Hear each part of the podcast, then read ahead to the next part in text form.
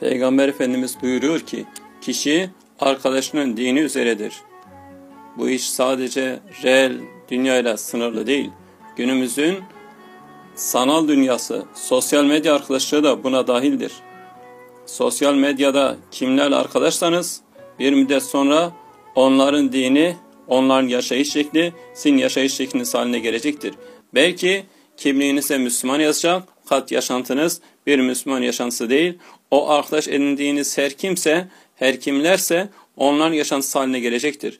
Bu yüzden kişi kiminle arkadaş olduğuna gerçek dünyada veya sanal dünyada veya sosyal medyada dikkat etmelidir.